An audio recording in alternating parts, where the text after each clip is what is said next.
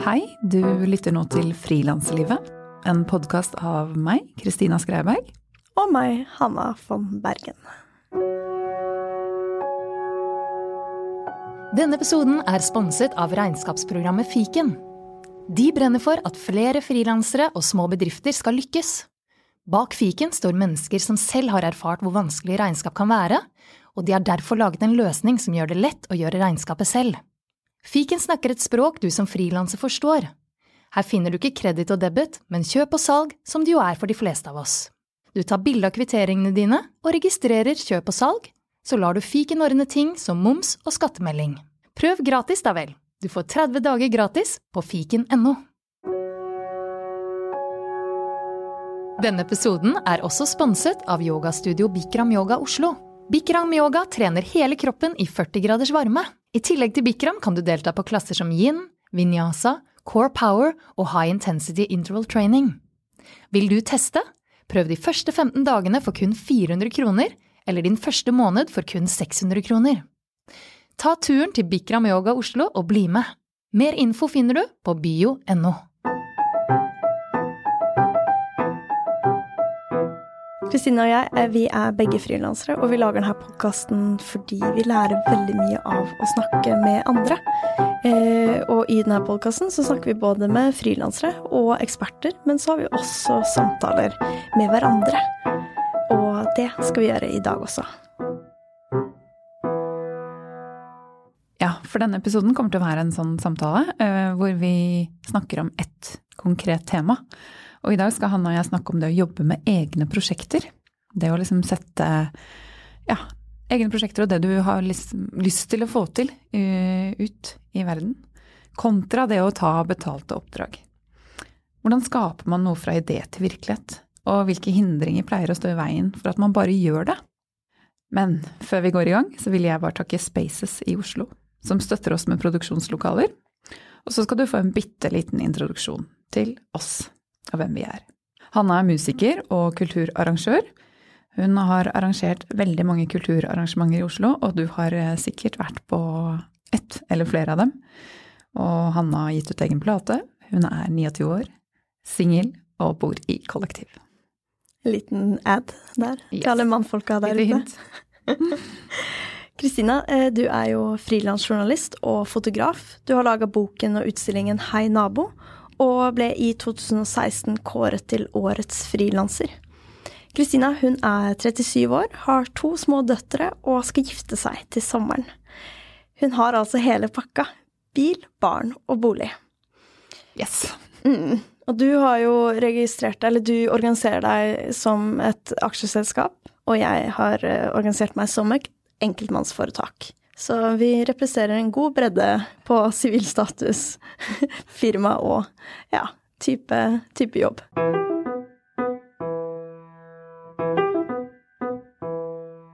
Grunnen til at vi har lyst til å lage en episode om det å jobbe med egne prosjekter, er jo fordi vi begge lever og ånder litt for å gjøre det. At det nesten er litt sånn, for min del, eh, en av grunnene til at jeg vil være frilanser. Fordi det åpner opp for eh, muligheten til å sette egne ideer ut i verden, da. Og Hanna, du har jo eh, gitt ut egen plate. Og så har du arrangert, eh, sammen med en venninne, ditt eget eh, design- eh, og kreativt marked. Oslo Supermarked. Kan ikke du fortelle litt om det? Jo, vi lagde, først så startet vi egentlig med noe som het Oslos rauseste marked. Som var egentlig Ida Notvik, da, som jeg har jobba mye med sitt eh, tredjeårsprosjekt på utdannelsen eh, eh, vi begge har tatt. Eh, Og det var et stort marked med bytting av tjenester og bytting av altså eh, vinylplater og klær. Man kunne komme og høre på masse konserter, man kunne ta med seg kake til kafeen. Klippe håret sitt. Klippe hår, ja, folk kunne være med liksom, med hvilken aktivitet som de ville. Skikkelig herlig. Veldig gøy. Så hele ideen var sånn la lommeboka være igjen hjemme, og kom på markedet og vær raus. Og det gjorde vi to ganger, og det ga liksom mersmak. Eh, og da hadde vi ja, rundt sånn 30 aktører og rundt 1000 besøkende. Og så tenkte vi vi har lyst til å gjøre et marked, vi har lyst denne gangen å gjøre det med designere og kunstnere. Eh, eh, så vi lagde da Oslos supermarked. Så vi har gjort det to ganger nå, og det er eh, Ja, det er veldig morsomt. Og så har jeg også sammen med Ida og noen andre lagd sånn street art-prosjekt, hvor vi intervjua masse gründere og lagde en sånn 30 meters utendørs utstilling. så er det denne podkasten her. Så det ja, er litt forskjellige egne prosjekter, egentlig. Uh -uh. Som preger en del av Preger litt av din frilanstilværelse? Ja, absolutt. Jeg syns det er også, som du sa, en viktig, viktig del av, av min frilanstilværelse, og en grunn til at jeg har valgt å frilanse. Og du har jo også hatt mye prosjekter, Kristina. Du har bl.a. blant annet hatt et magasin som heter Ditched. Og så har du hatt et stort prosjekt som heter Hei nabo, hvor du har lagd en bok med, eh, med portretter og intervjuer, og lagd en utstilling i tilknytning til det. Kan ikke du fortelle kort hva de prosjektene består av? Ja, begynne begynner med Ditched, bare veldig kort. Det var et prosjekt jeg begynte med da jeg studerte i London. Eh, jeg tok journalistutdanning og liksom satt og verket etter, eller kriblet etter, å komme i gang med noe. Eh, med å få erfaring og gjøre Bare ja, skape noe. Så en studievenninne fra Sverige og jeg satte i gang et eget lokalmagasin. Et kreativt gratismagasin for Øst-London. Og det lærte jeg veldig, veldig mye av. Eh, vi jobbet døgnet rundt, eh, men fikk eh, ja, realisert vår idé, da. Og Hei nabo, det, det var et prosjekt jeg begynte med da jeg flyttet hjem. Så flyttet jeg hjem til Tøyen, eller hjem, og bodde på Tøyen i en blokk der, og ble veldig fascinert av alle naboene mine og alle menneskene som bodde i blokken og begynte å banke på dørene og skjønte at jeg skulle ta et portrett av hver nabo i deres stue og formidle en historie om hver nabo, for alle bodde i like leiligheter og alle var fra alle mulige steder. Så jeg så at jeg hadde hele verden utenfor min egen dørstokk. Mm, ja, det er et fint prosjekt. Det har du også gitt den boka på eget forlag? Ja. Eller sånn på egen hånd, hva heter det? På egen hånd, ja. ja. Selvpublisert. Selvpublisert heter det. Mm. Det var også Tanken slo meg ikke uh, å gå til et forlag. Jeg kjente bare at uh, jeg vil gjøre det selv. Jeg syns det er sjukt mye jobb, men utrolig befriende å gjøre det selv. Uten bindinger til noen. Selv om det sikkert kan gi masse verdi. Men uh, mange ganger har det for meg vært veldig riktig å gjøre ting selv. Mm. Og det er jo denne podkasten nå eh, er jo veldig eh, Hva heter det? Selvlagd. Selvlagd og fri. Uten noen bindinger til noen som helst. Og det er også ganske befriende. Veldig. Ja. Mm, så jeg og Kristina, som dere kanskje hører, er veldig glad i å lage egne prosjekter. Eh, så vi tenkte vi skulle snakke litt mer om det nå.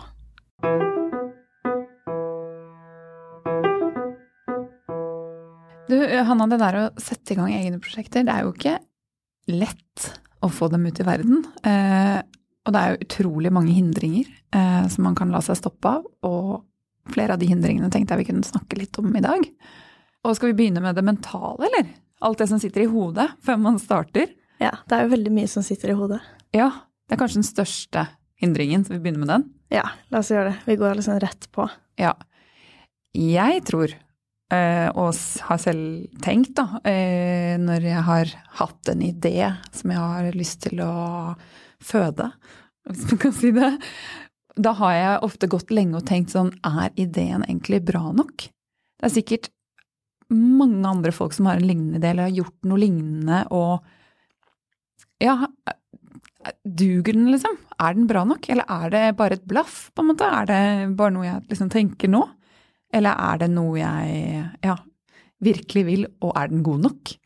Mm. Det tenker jeg, det er min første mentale hindring. Hvis jeg har fortalt noen om en idé, da, eller jeg har begynt på en idé, så har jeg ofte fått høre sånn Å ja, men det er da gjort før?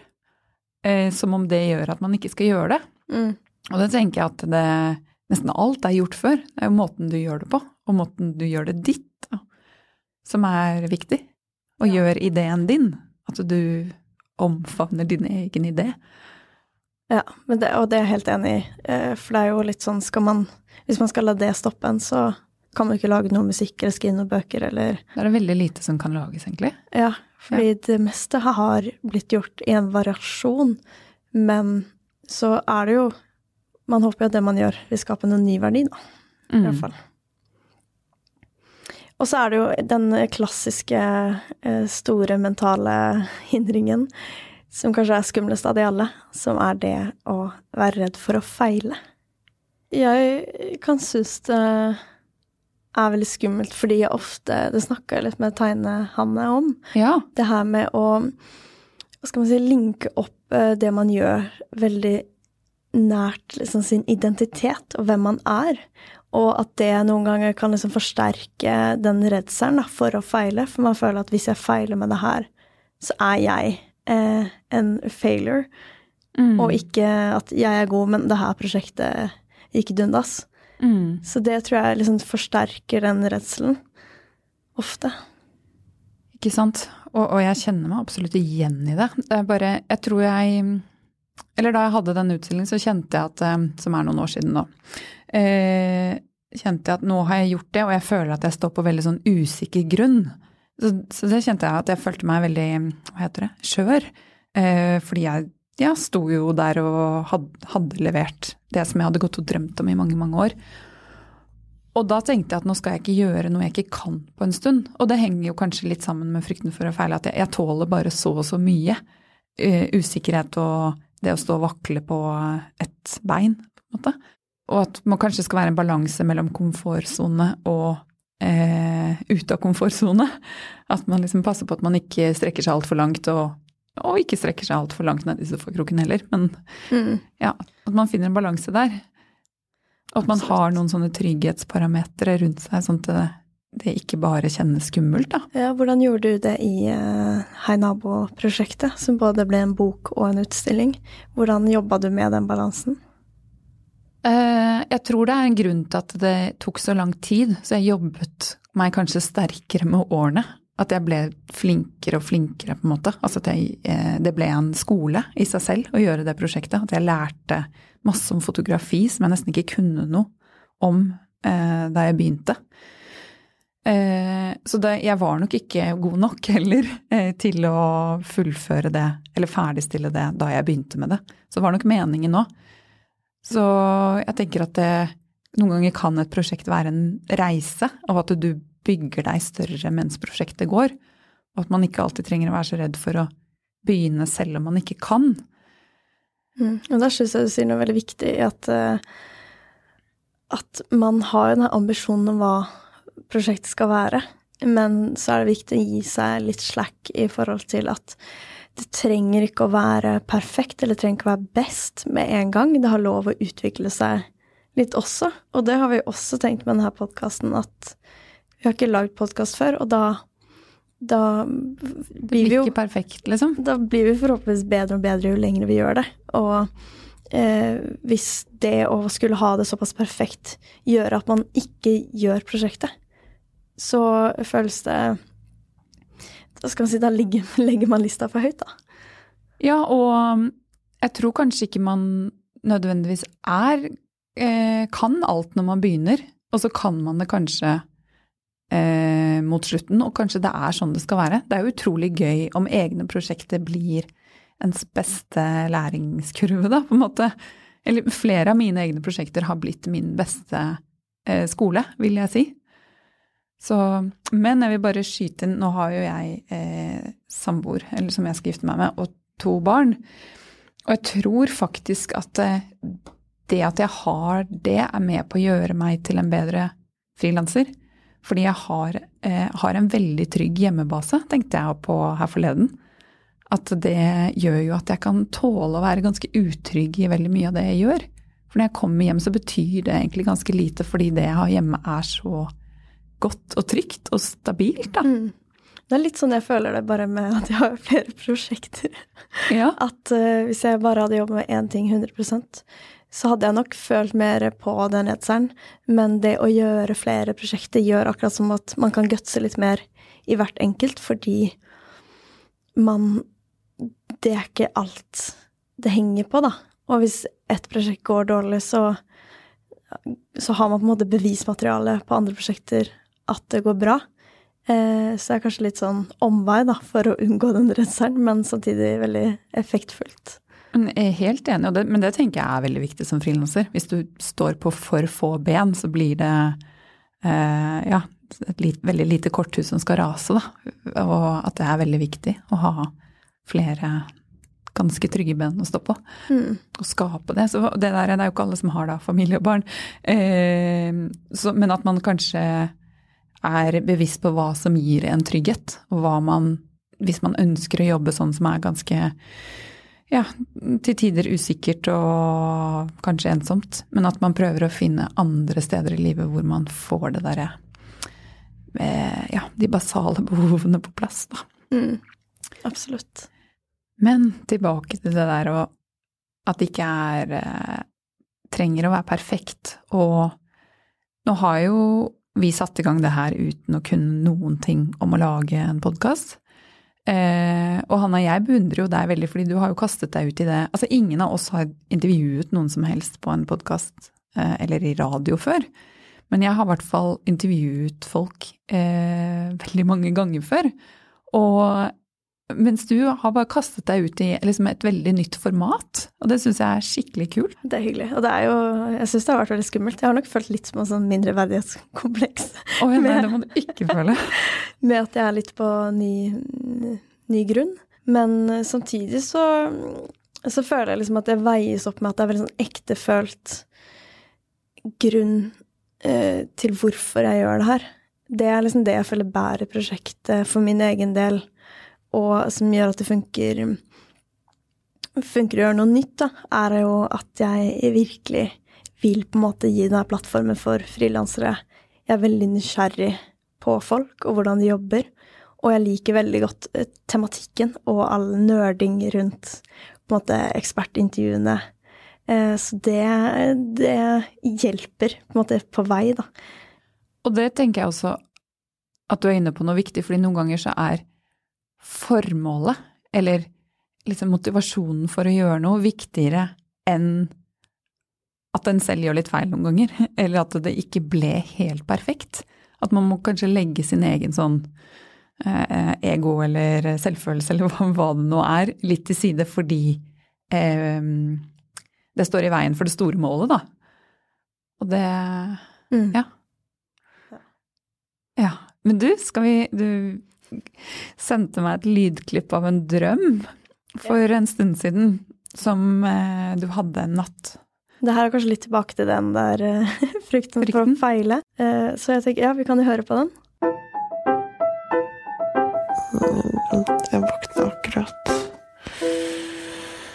Uh, så hadde jeg drømt at vi skulle ta opp en episode var ikke et ledig rom å gjøre i. Så var det plutselig sånn rart lokale i en eller annen kjeller. Og så gjør det mye curling med mikk-greie. Ja. Så Ser ut som noe skikkelig hjemmemekka, det der. Noe skikkelig hjemmemekka ræl.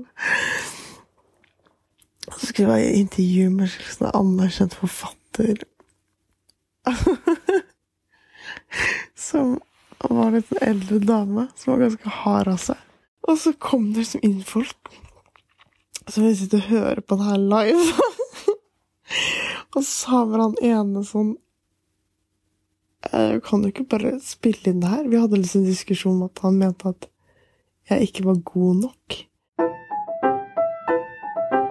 Det her var eh, Jeg tror det var sånn klokka fire på natta at jeg drømte det her, våkna opp og så tenkte jeg sånn Å, nå skal jeg bare ta det opp, fordi eh, det var så Ja, det var ikke noe drøm som liksom la så mye imellom linjene. Det er litt som å ligge i sengen med deg, Hanna.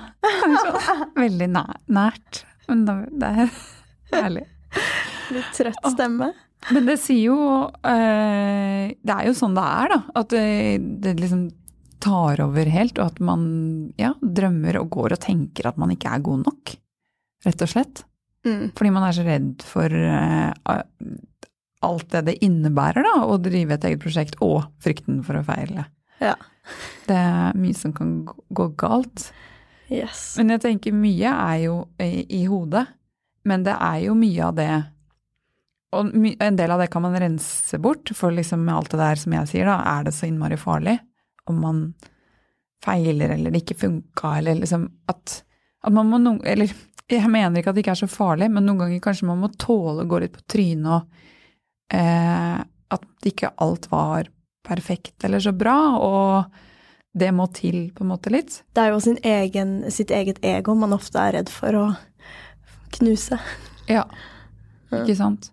Men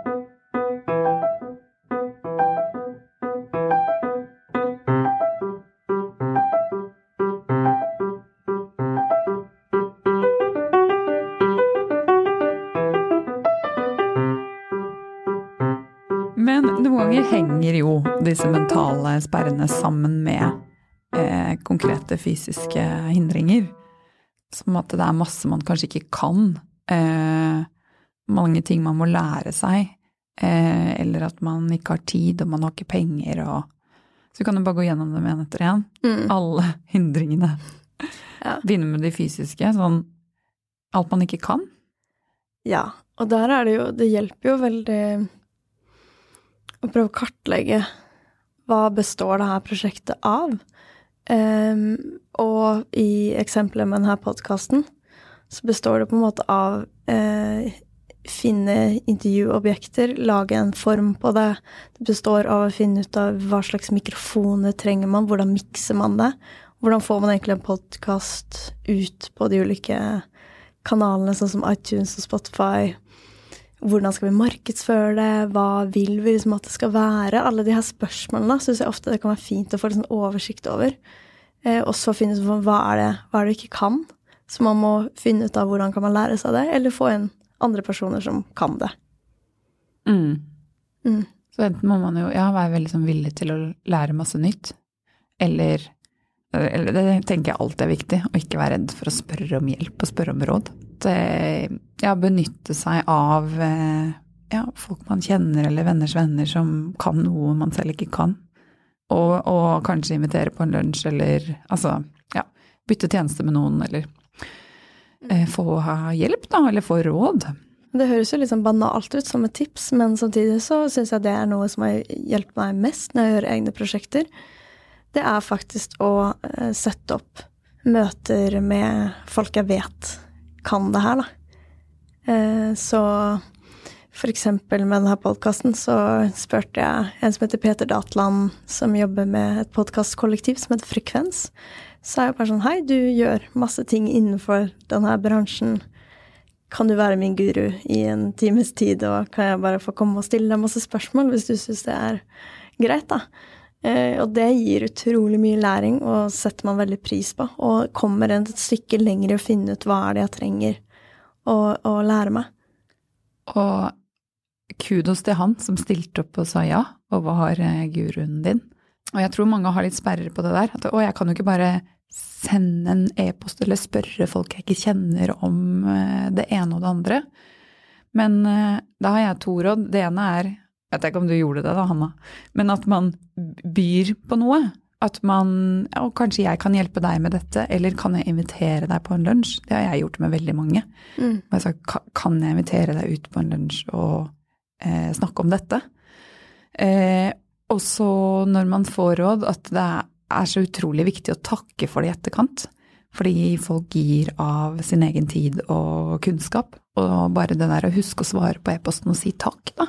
Hvis man har fått eh, svar tilbake, eller Det betyr veldig mye for meg at folk sier takk. Mm. Hvordan har du gått fram når du skal, skal si, komme over den bøylen, da? Eller bøygen, hva sier man? Ikke bøyle deg. Skal vi føye til at du Er du halvt svensk, Anna? Nei, Ja. vi kan ikke si det! Jo, det, har du ikke Du har sagt det før, at du har sånne Sier litt noen andre uttrykk noen Det ganger er sånn? bare fordi jeg er dårlig på norsk. Nei! Er du, du er ikke dårlig på norsk? Nei, men du jeg er jo svensk. jeg er helt svensk, men jeg er jo du altså, er helt, ja. Jeg er helt svensk, men det er jo hvordan du ser på det. Jeg er jo oppvokst i Norge hele livet. ja. Så vi Men- kan ikke skylde på den bøylen der. Vi kan skylde på foreldrene mine som snakker svensk. Eh, jo, hvordan jeg kom over den bøylen? Ja, altså da Åh, kom jeg tilbake til Nei, nabo igjen, da. Men da bestemte jeg meg da for å lage utstilling og bok. Og jeg hadde ikke gjort noe av det før. Og jeg ga ut boken på eget forlag og satt opp utstillingen. Eh, var i Rådhusgalleriet, hvor man får leieplass, eh, men man gjør alt selv. Og henge opp og rigge og markedsføring og åpningen og og jeg skjønte at her er det veldig mye jeg ikke kan, så ja, jeg eh, inviterte eh, Altså, først begynte jeg med å invitere han Håvard Skei, som har gitt ut Mitt Oslo-boken, på lunsj, og spurte om han kunne, litt som du gjorde med Peter, og spurte om eh, kunne om vi kunne snakke om det å gi ut bok selv. Og skrev til han at han var en inspirasjonskilde, faktisk. En av grunnene til at jeg turte å prøve å gi ut bok selv, da. Nei, jeg, jeg, jeg satt meg ned egentlig og kartla også. Sånn hva, hva er alt jeg ikke kan, og hva kan jeg? Og hva må jeg hjelpe til, og hva skal jeg spørre om råd til, og ja. Og fikk samarbeid med folk. Eh, En venninne som er grafisk designer, gjorde det Hun og jeg jobbet med det grafiske sammen. Og en venninne som er illustratør, lagde logoen og lagde illustrasjoner til boken, og ja. En fotograf jeg kjenner eh, gjorde etterarbeidet på bildene mine, for det er jeg skikkelig dårlig på, osv. Så, videre. så ja, da betalte jeg for den hjelpen jeg ikke kunne. Mm. Eller for det jeg ikke kunne selv. Så rett og slett å på en måte først kartlegge litt. Hva består prosjektet av? Hva, hva er det jeg ikke kan som jeg vil gjerne lære meg? Og hvor kan jeg få en folk til å gjøre visse deler av det? Det er jo liksom hvor, hvor skal man velge å legge sin energi? Hva skal man lære seg selv versus hvor skal man ja, ta inn eksterne folk? Mm. Mm. Men det jeg alltid er litt lettet over når jeg kaster meg ut i et nytt prosjekt, er at jeg ikke visste hvor mye tid det tar. Eh, Når jeg først eh, er i gang og det er for sent å snu, og at man da har blitt så gira på det og man har liksom tilbakelagt så mye arbeid at det, man, da gir man seg jo ikke. Men eh, For det er jo innmari mye jobb eh, med de fleste ting som man vil få til. Og det vet man jo ikke helt. Og takk og lov for at man ikke vet det, for det er masse jobb, og det er, eh, man river seg i hodet og tar masse tid. Men det viktigste tenker jeg er å ha et sånt langsiktig mål, men også ha masse delmål, og bare gå skritt for skritt. Bare, ja, ikke, ikke Altså selvfølgelig fokusere på det langsiktige målet, men bare sånn dag for dag, hva må til for å nå det? Eh, hva må være inne neste uke, hva må gjøres til neste måned? Og så bare jobbe på. Mm. Det, og nyte den prosessen, for det er jo den største delen av å jobbe med noe eget, er jo å jobbe. Eh, til slutt er det ferdig, og det er kjempegøy, men å kose seg litt med å jobbe med det. Ellers er det nesten litt, oi, litt meningsløst. Jeg syns du sier noe veldig viktig i det her at eh, både som hvordan får man et prosjekt gøy? Hvordan gjør man det morsomt for seg selv? Fordi når du gjør et eget prosjekt, så er det jo bare ut ifra deg selv, eh, og da er det jo et poeng også at man skal synes det er så gøy som mulig, da. Og det handler jo igjen om en sånn balanse mellom hvor mye press skal man legge på seg, hvor, hvor fort skal det skje, eh, og hvor mye nytt skal man lære seg, alt de her tingene. Man prøver å finne ut hva er det som gir noe tilbake også. Og jeg syns med denne podkasten så har vi jo blant annet gjort det ved å eksperimentere litt. Eh, prøve å spille inn, høre, ta liksom tid nok til å reflektere. Hva vil vi at det skal være, hvordan kan formen være? Og også har vi jo tenkt at den her skulle lanseres veldig mye før den faktisk ble lansert.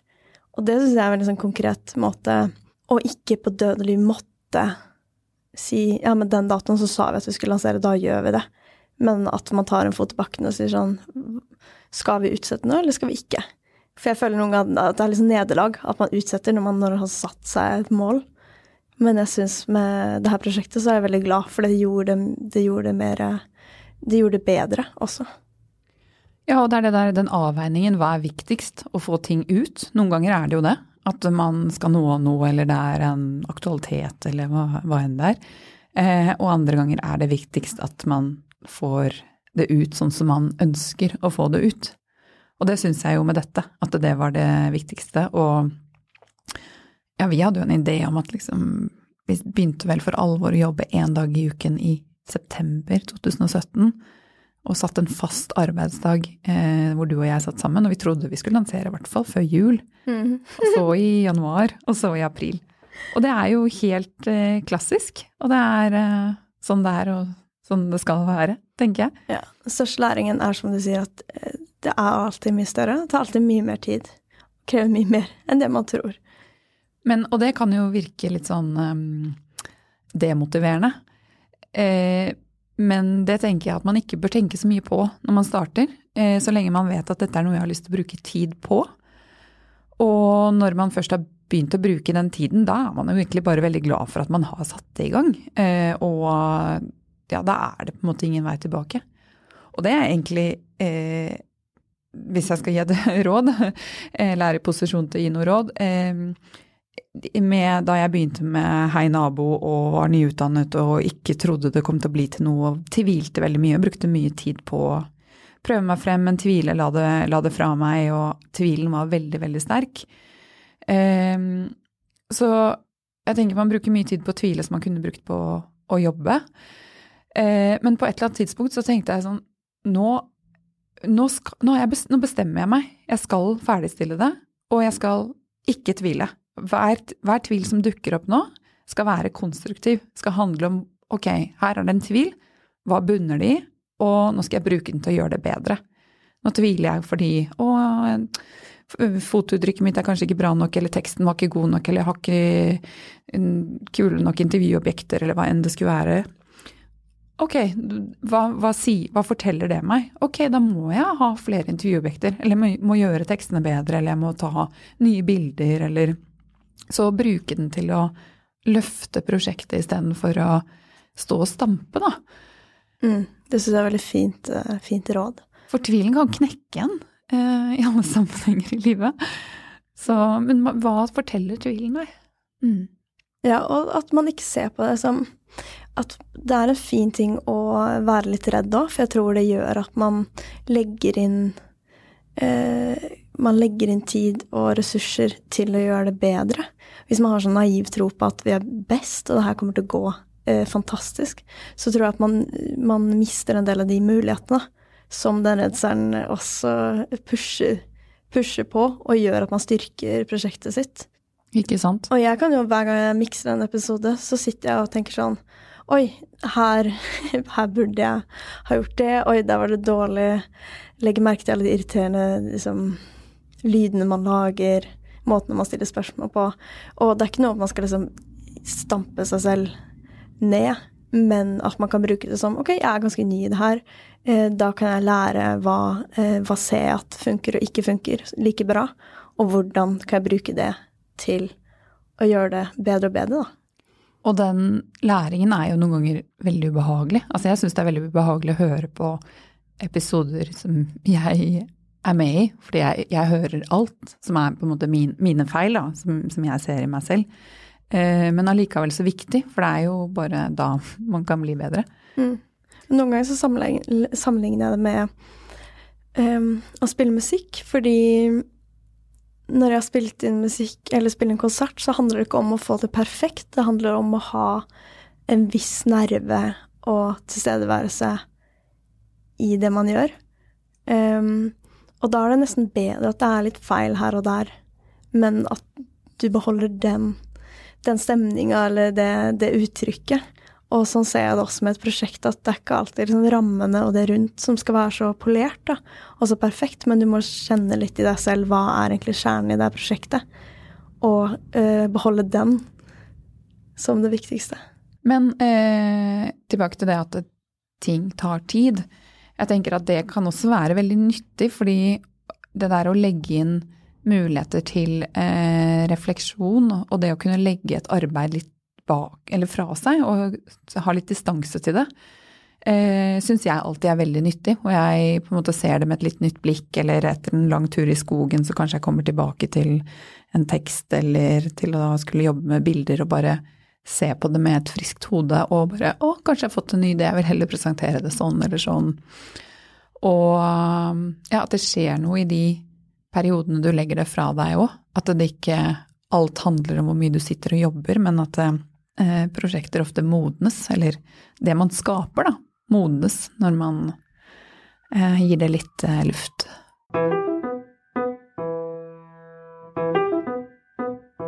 Det å sette av tid er jo eh, supervanskelig.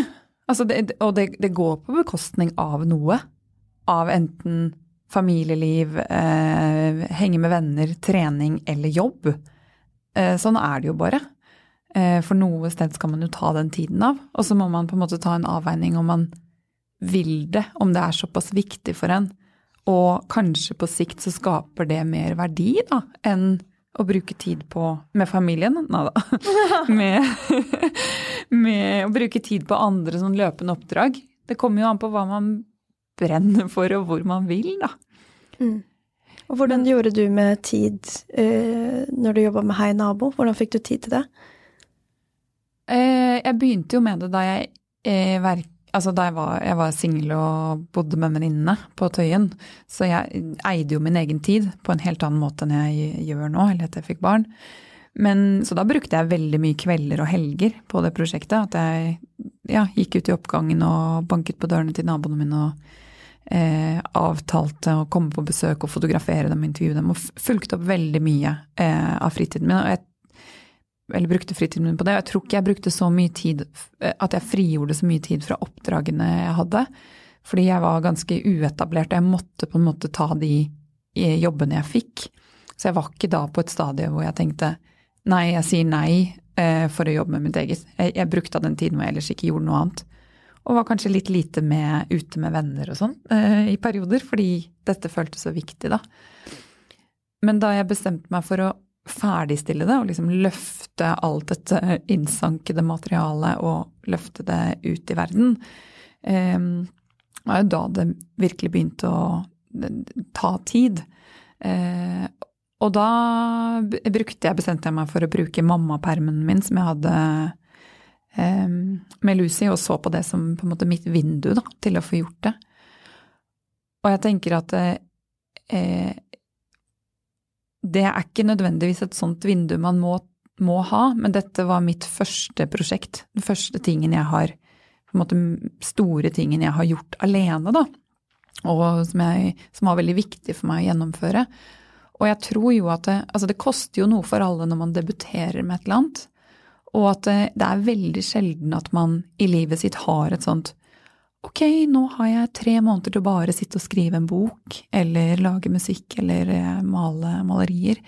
Eh, med mindre man har kommet et sted hvor man, man, har den tiden. Men når man er Når man gjør noe for første gang, så tror jeg ja, de aller, aller fleste, med mindre man er veldig bemidlet, kanskje, gjør det på natta, eller gjør det i helgene, eller gjør det på kveldene, og gjør det Jeg leser om eh, er et sånt skriveforum på Facebook hvor vi diskuterer når skal man få skrevet, hvis man skal skrive ting som ikke er uh, jobboppdrag. da. Og da er det folk som skriver at jo, de står opp klokken fire om natta for å skrive fra fire til seks eller fire til syv når familien deres våkner og man, Det koster Herregud. noe! Ja. Og det skal man huske på, at det, det koster noe for alle som gjør noe. Eh, og at eh, man kan på en måte ikke sitte og vente på at Eh, dagene bare skal bli tomme. Og, eller at man har det perfekte stedet og kan sitte på en strand i Mexico og skrive bok. Men man må bare gjøre det, liksom. Ja, absolutt. Og det her at Hvis man vil, da. Ja. Og at man tar det steg for steg. Eh, ja. For ofte handler det liksom om å sende den ene mailen, eh, legge ut en post om det, gjøre ett intervju, skrive en artikkel. Altså at man, man tar det liksom litt for litt, og så plutselig utløser noen av de stegene eh, litt sånn fremdrift da, i prosjektet. Mm. Og det er alle de små tingene til sammen som til slutt gjør det til, til et fullverdig prosjekt, som jeg ofte er sånn eh, Når man ser tilbake, så består det av alle de her miniskrittene man har tatt. Ja. Og jeg tenker at mange, i hvert fall kanskje som frilansere, er veldig takknemlig for de oppdragene man får. Sånn er det bare. Eh, at det ikke er, er, så lett å bare takke nei eller velge bort, eller man er, har ikke mulighet til det. Eh, men allikevel så kan det noen ganger være lurt å ta noen steg tilbake og tenke at hva vil skape mest verdi over tid, hvis jeg har mulighet til å kanskje droppe disse kjipe oppdragene som nesten ikke betaler noe som helst, og heller bygger noe som er mitt, hvis man ønsker det, eller eh, jobber for å nå det og det målet, eller ja, at man eh, tenker litt på sånn hva vil gi, gi mest verdi? Eh, er det å liksom bare gå det løpet jeg alltid går, eller er det å prøve å frigjøre litt og litt mer tid til noe som jeg vil skal bli til noe, da? Men noen har jo veldig lett for å bare gjøre det, og andre trenger eh, kanskje andre mennesker, eller eh, ja, noen å samarbeide med, eller å jeg vet ikke, skape en fast vane, eller gjøre noe som gjør at man vet at man gjør det, da. Mm. Jeg tror det her handler litt om om det styres liksom av indre eh, indre motivasjon eller ytre motivasjon i forhold til Du må vite hva, hva slags rammer trenger du for å bevege ting framover. Og jeg er sånn som syns det er kjempevanskelig å bare sette meg ned alene og, og, gjøre ting, og starte på noen egen idé, eller drive ting fremover helt selv. Jeg er veldig selvstendig, men jeg foretrekker absolutt å gjøre ting i samarbeid. Og det gjør ofte prosjektet bedre for min del, og jeg syns ofte det er morsommere og man får mye bedre fremdrift da, i et prosjekt. Så med denne podkasten hadde jeg gått rundt og tenkt på det ca. et år, som du sa. Og så hadde jeg tenkt sånn ah, men jeg har, lyst, jeg har, ikke lyst til å gjøre det hvis ikke jeg finner noen å gjøre det sammen med. Og jeg har liksom lært meg opp gjennom veldig mange år at det er den eh, måten jeg liker best å gjøre prosjektet på, er i samarbeid med andre. Så da, det er en slags sånn commitment device som jeg eh, vil ha, da. Det er ikke det at jeg, tre, jeg kan gjøre et prosjekt alene, men jeg vil. Jeg syns det er morsommere og, og bedre. Men, eh, ja, for jeg er eh, sånn som bare kan sette meg ned alene. Eh, og på en måte treng, trenger ikke så mye andre, mange andre. Det er nesten sånn venner og familie kan reagere litt på. sånn eh, Trenger du oss ikke? Du kan bare, bare dra på ferie alene, eller du ville vært like glad, på en måte. Og, og sånn er jeg litt, at jeg nyter det veldig, da. Men eh, samtidig, dette er en av de få prosjektene jeg har gjort. Jeg har gjort et annet stort prosjekt tidligere med en annen. Eh, men dette er et av de få hvor jeg har liksom hatt en å holde, holde, i hånda og dele tiden med. Og det er utrolig gøy å kunne dele, ja, dele det man gjør, da, med noen. Mm.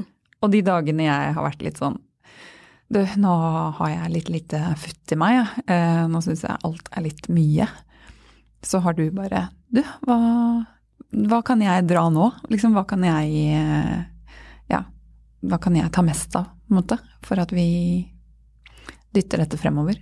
Og omvendt. Man kan lene seg på hverandre, da. Ja, det syns jeg er veldig fint med å gjøre ting, gjøre ting sammen. Og jeg hadde jo ikke satt av én fast dag i uken eh, hvis jeg ikke hadde en avtale med deg. Da hadde det jo sklidd ut på en helt annen måte. Ja, det hjelper veldig at man sier ok, da er det den dagen, og den på en måte prioriteres like mye som andre ting jeg jobber med. Sånn at nå har jeg vært på filmfestival og har sagt da må jeg gå etter lunsj, fordi da skal jeg jobbe med det her.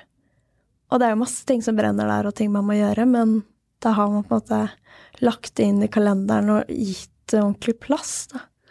Og det er jo litt som Akkurat som det at man skal trene, da, som er på en måte bare en avtale med en selv mens hvis man har en avtale med en annen, så er det mye lettere overfor omgivelsene å si jeg har en avtale med noen.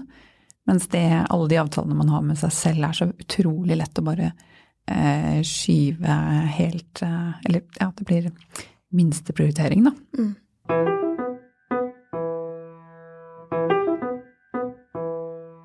Noe av det jeg syns er kanskje vanskeligst med å gjøre egne prosjekter, er økonomien. Fordi eh, ofte så ender de opp med å liksom bli frivillig verv eh, noen ganger. Og så har jeg kommet til et stadiet nå hvor jeg trenger at egne prosjekter er bærekraftige.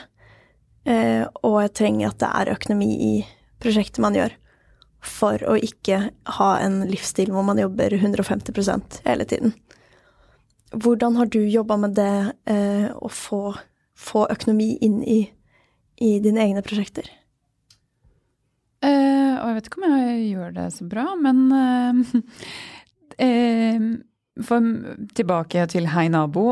Da jobbet jeg jo i seks år med det, og var nesten ferdig. Eller hadde nesten ferdigstilt alt materialet da jeg bestemte meg for å begynne å søke støtte. Da følte jeg meg på en måte moden nok til å Å, nå er jeg klar for det. Og fikk eh, en del støtte til det prosjektet, som var utrolig motiverende. Den første jeg fikk støtte av på et ganske tidlig stadie, eller ikke tidlig, men eh, etter seks år så søkte jeg støtte først av Fritt Ord for å kunne bruke tid på å ferdigstille. Transkribere, redigere bilder, sette det sammen til en bok osv. Og, så og det var en sånn eh, ting som var med til å vippe meg over til at yes, I can do it. Eh, det er liksom at noen sier at vi tror på deg. Her, her, ja, får, her får, du penger. Det betyr masse. Å kunne frigjøre et par måneder hvor jeg bare jobbet med det. Det betyr jo også det. At du kan frigjøre tid, og du får selvtillit. Eller eh, ja, bli styrket i troen på deg selv. Så det betød veldig, veldig mye. Men jeg lærte jo at eh, ok, nå har jeg gjort det én gang. Neste gang så kan jeg ikke jobbe i seks år med noe før jeg søker støtte. Jeg skal eh, Jeg må gjøre det mye tidligere. Jeg har ikke råd eller tid eller motivasjon eller Ja, jeg kan ikke leve, jobbe sånn, da. Så det Jeg lærte jo veldig mye av det også. At eh, spisse prosjektbeskrivelsen og ikke gjøre alt før du søker støtte. Men eh, søke støtte er et godt eh, tips. Men et annet tips også er Jeg har eh, et vis klart å få Hei nabo til å leve ganske lenge. Nå er det jo to år siden, faktisk, akkurat siden jeg hadde den utstillingen og boklanseringen. Og det er fortsatt noe jeg bruker ganske mye tid på i dag, med å holde foredrag. Og, så det er noe jeg har klart å på en måte kapitalisere litt på. Altså å bruke alt det arbeidet jeg la ned i, til noe som kan leve lenger. Og et foredrag som tar meg en time, eh, er en ganske god inntjening, da. Fordi det liksom gjør at det ja, ble verdt det, og kan gi avkastning også i dag. Så det er også et annet råd. Det er vel noe med det som ofte er liksom noen koder da, å knekke. Når man gjør et eget prosjekt, så er det sånn hvilke kanaler er det naturlig å, å prøve å liksom komme seg inn i, da? Og hvem bør man snakke med? Eh, hvordan gjør man salg og markedsføring for det prosjektet man holder på med? Jeg, har, jeg tror jeg har sendt, jeg vet ikke, fem millioner mailere opp gjennom årene. Og så har noe av det skjedd. Kanskje 10% svarprosent totalt. Så det er liksom det er ikke alltid jeg forventer å få noe svar når jeg sender e-poster. Jeg tenker bare at det må til. Ja. Og syns det er litt gøy, og så kommer det. Ja, og så kommer det. Det er vel sikkert sånn fordi noen har sett det ene foredraget, da. Og så de, tenkte de å, det her passer perfekt inn i vår bedrift eller denne konferansen. Og så ser det noen andre som ser det der, og ofte så sprer jo ting seg litt på den måten også. At man må begynne å gjøre noe, og så kommer det mer oppdrag ut fra det. Mm. Så jeg tenker med alt det man skaper, så det å prøve å tenke litt sånn utenfor sin egen sånn boble, sånn Å, det, jeg ser for meg at det har verdi for de som kommer på den utstillingen, eller de som skal lese den boken. Men mm, kanskje det kan presenteres på andre måter. Kanskje det kan være eh, ja, med på et eller annet annet prosjekt eller konferanse, eller kanskje man kan samarbeide med andre. Eh, og tørre å tenke at det kanskje kan, det du har skapt, kan ha verdi for andre. Men vi har jo på en måte tenkt litt det samme med denne podkasten, Dana. Fordi eh, vi kunne jo eh, ha lansert den flere måneder i forkant. Og så har vi vært veldig bevisste på at eh, vi skal jobbe parallelt med innhold, men også med den økonomiske rammen, da. Med å søke støtte og søke, finne sponsorer og sånn. Kan ikke du fortelle litt om liksom, hvordan vi gikk frem? Ja, vi har vel egentlig hatt det som en tanke helt fra starten av. At vi både jobber ja, parallelt med de to sporene. Og da er det jo å begynne å tenke sånn Ok, vi lager en podkast om frilanslivet. Da, hvordan, hvordan, kan man på en måte få noen midler til det? Og det handler jo ikke om at det her er et prosjekt vi gjør for å få penger, men det handler om at hvis vi skal kunne fortsette å å lage det her eh, lage denne podkasten, så er vi nødt til å gjøre det bærekraftig økonomisk, fordi ellers så Hvis det alltid forblir et frivillig verv, da, for en selv, og man gjør flere ulike egne prosjekter, så eh, må man få inn penger andre steder for å kunne holde det her ved like. Så sånn sett så er det, er det veldig viktig å fokusere på det. Eh, har det vært viktig for oss fra starten av. Så det vi gjorde, var rett og slett å eh, både lage liksom en prosjektbeskrivelse og finne ut liksom hvordan kan vi presentere det her. Og sende det ut til bedrifter som vi tenker at uh, har frilansere som målgruppe. Vi gikk vel egentlig veldig målrettet til verks. Ja, så vi prøvde liksom på sånn ok, vi kontakter potensielle sponsorer. Uh, og så var det også noe som For du har Den ene delen av økonomi er jo det å få inn penger. Og da har vi også søkt støtte, og akkurat mottatt beskjed om at vi har fått støtte fra Fritt Ord. Og ble, Kjempegøy. Mm. ble så glad. Men så er det også å se på hvor kan vi minimere kostnader. Så der har vi også sponsorer som går inn med, med lokale og tjenester. Så det også er jo en måte, på en måte, en måte å tenke økonomisk på. Eh, så ja, har du noe hva vil du tilføye? Jeg sitter og nikker, ja. ja. Nei, men jeg tenker eh, det er jo en utfordring med det der å ville gjøre det fra start, men fra start så har du egentlig ikke noe å vise til. Du går eh, Vi gikk jo i møte med Fiken, som da har blitt en sponsor, i hvert fall nå i starten, eh, med en idé. Og vi gikk jo ut av det møtet og tenkte sånn ok, nå har vi gått inn til noen sånn gründerfyrer og pitcha en idé. Hva er egentlig verre å, enn å bare pitche en idé til noen? Hvor er bevismaterialet på at det her skal bli noe? Ja, alle gründere vet at det er haugevis av ideer der ute. Eh, og så brukte vi noen uker på å sende dem en sånn eh, pakke med flere episoder som er spilt inn, prosjektbeskrivelse, visuell profil, eh, ja, hvor det spørreundersøkelse eh, hvor, det, hvor, vi følte at vi hadde gjort et litt sånn stødig arbeid, da. Mm. Men jeg tenker det er jo viktig å tørre å tenke at ja, kanskje vi kan skape verdi for dem. Kanskje det kan være et verdifullt samarbeid.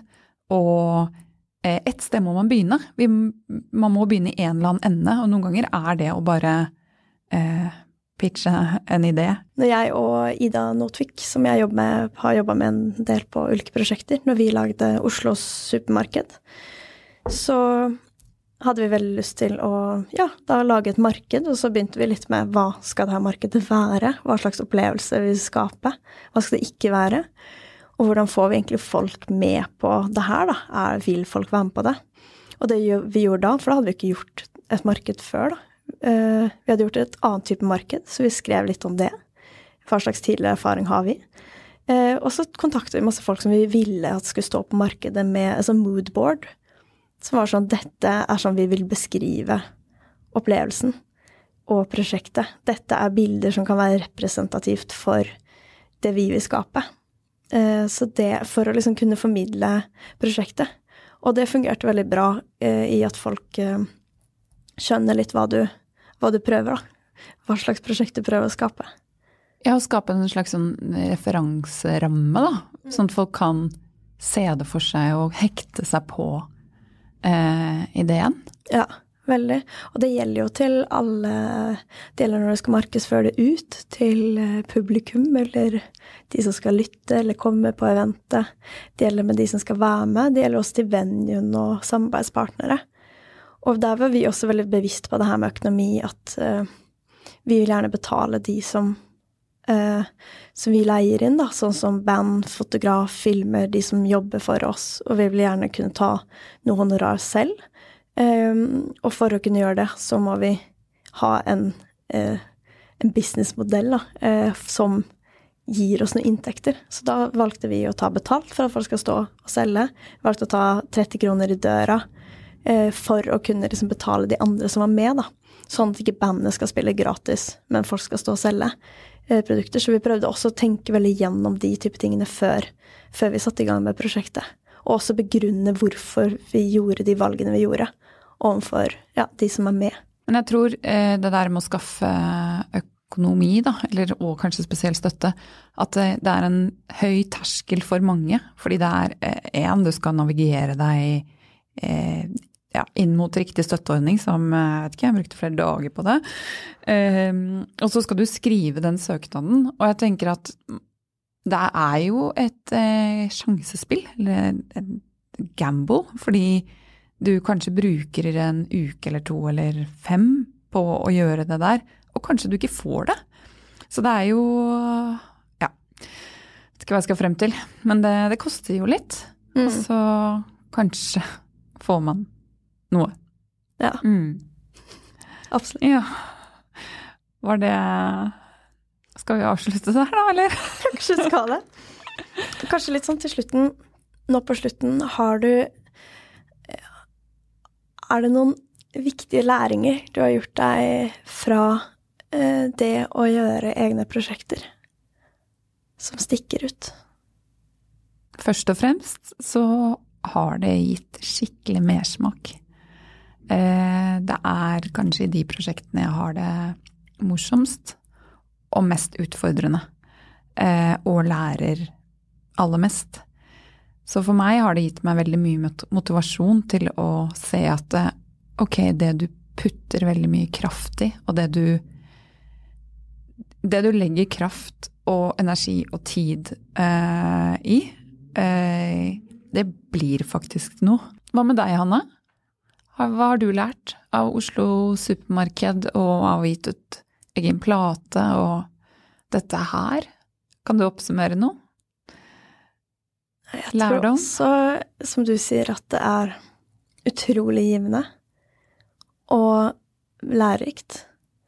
Og så tror jeg ofte at de redslene man har uh, Man skaper liksom mer og mer bevismateriale på at det er liksom At det ikke så skummelt, da. Eller at man Det er ikke så farlig å spørre om hjelp. Det går an å lære seg ting man ikke har gjort før.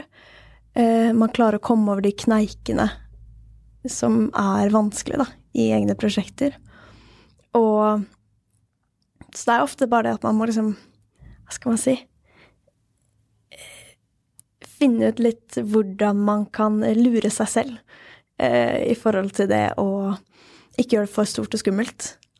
For det at vi bare satte i gang sånn Ok, vi bare spiller en episode, så ser vi hva som skjer.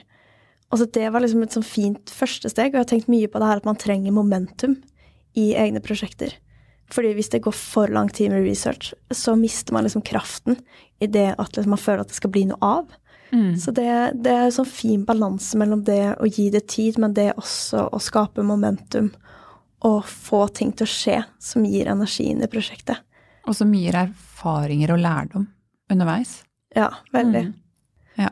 Uh, og, og, kjenne litt på hvordan, hvordan føles det ut å si det høyt. Ja. Og liksom ta det eierskapet til ideen, da mm. og gi den liksom litt uh, liv. Det tror jeg også er en fin måte å, å kjenne litt på hvor, hvor, mye har du lyst til å faktisk gjøre det her. Mm. Yes. Yes. Ha det. ha det. Takk. Vi vil bare si at eh, vi digger alle dere fine frilansere som eh, jobber der ute, og vi håper at dere har kost dere med podkasten vår. Hvis du har gjort det, er det dritkult hvis du har lyst til å dele den med en frilansvenn du har så hører du mer fra oss. Ha det.